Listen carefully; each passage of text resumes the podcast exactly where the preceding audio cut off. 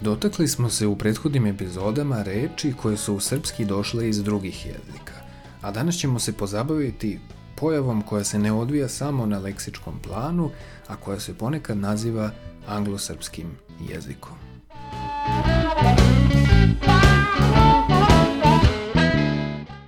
Slušate treću epizodu lingvističkog feljtona Slogotvor.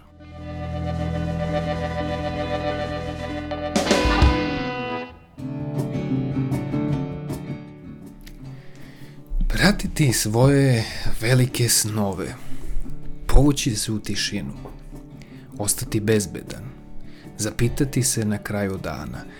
Ovo su neke od sintagmi koje možemo pročitati u štampi, čuti na televiziji, u svakodnevnom govoru.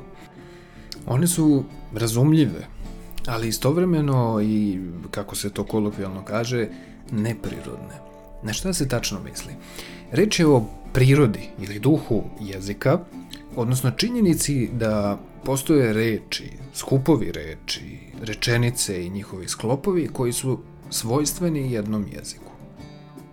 U lingvističkom pogledu možemo govoriti o standardu kao preseku stanja jezika koji u određenom trenutku najbolje oslikava upotrebu toga jezika, te kao takvo ulazi u gramatike i pravopise.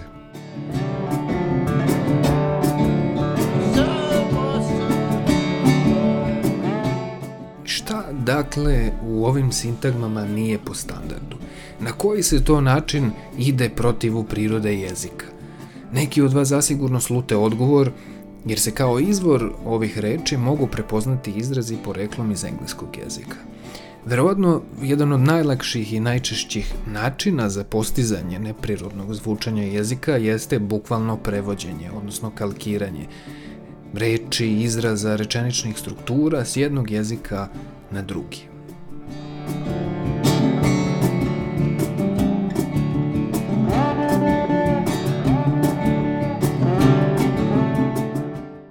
Tvrtko Prčić, profesor Filozofskog fakulteta Univerziteta u Novom Sadu, piše u jednom članku o istoj ovoj tendenciji, koja je, po njegovom mišljenju, veoma rasprostranjena, toliko da bi se moglo govoriti o anglosrpskom jeziku. Taj jezik, dakle, predstavlja engleski na srpskom, preciznije zadržava karakteristike engleske rečenice, dok su reči koje sazdaju na srpskom. Profesor Prčić dalje objašnjava kako se takve strukture većim ili manjim delom presađuju iz jezika u jezik. Nekada je njih teško i prepoznati, jer su se neke ukorenile već pre neku deceniju, te današnjim govornicima srpskog jezika zvuče prirodno.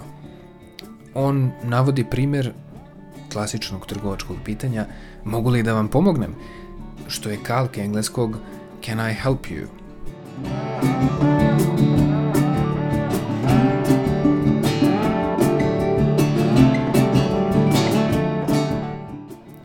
Spomenuli smo da je ova pojava prisutna i u širem obimu, te se može ispoljiti na sintaksičkom planu, u strukturi rečenice, primjer toga smo upravo naveli, ali i u izboru glagolskih vremena.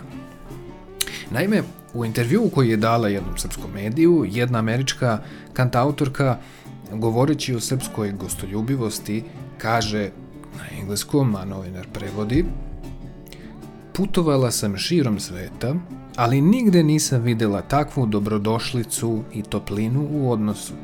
Osim toga, gde god da sam otišla, odmah su mi ponudili da popijem kafu ili pojedem nešto.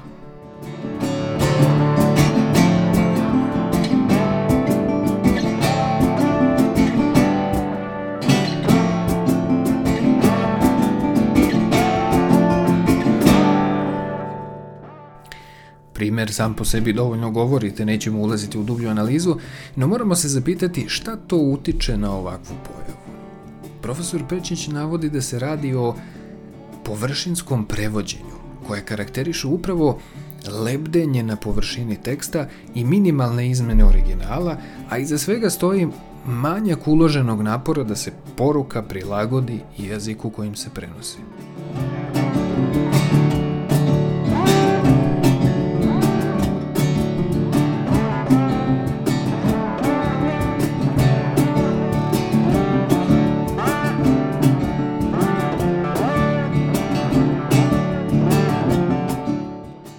Možemo naširoko opisivati osobenosti i uzroke različitih primjera od kojih je svaki priča za sebe, no čini se da postoji i nešto iznad svega toga. U nekim slučajevima možda briga da se informacija prenese, da se neka nijansa ne izgubi, utiče na nastajanje kalkiranih struktura, što naravno ove potonje ne opravdava.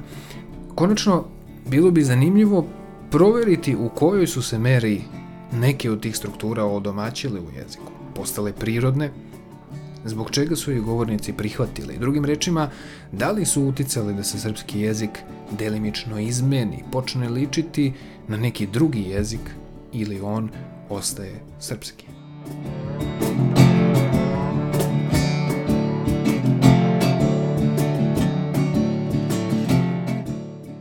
Slušamo se sledeće nedelje, a do tada slogotvorni pozdrav. So there was a good boy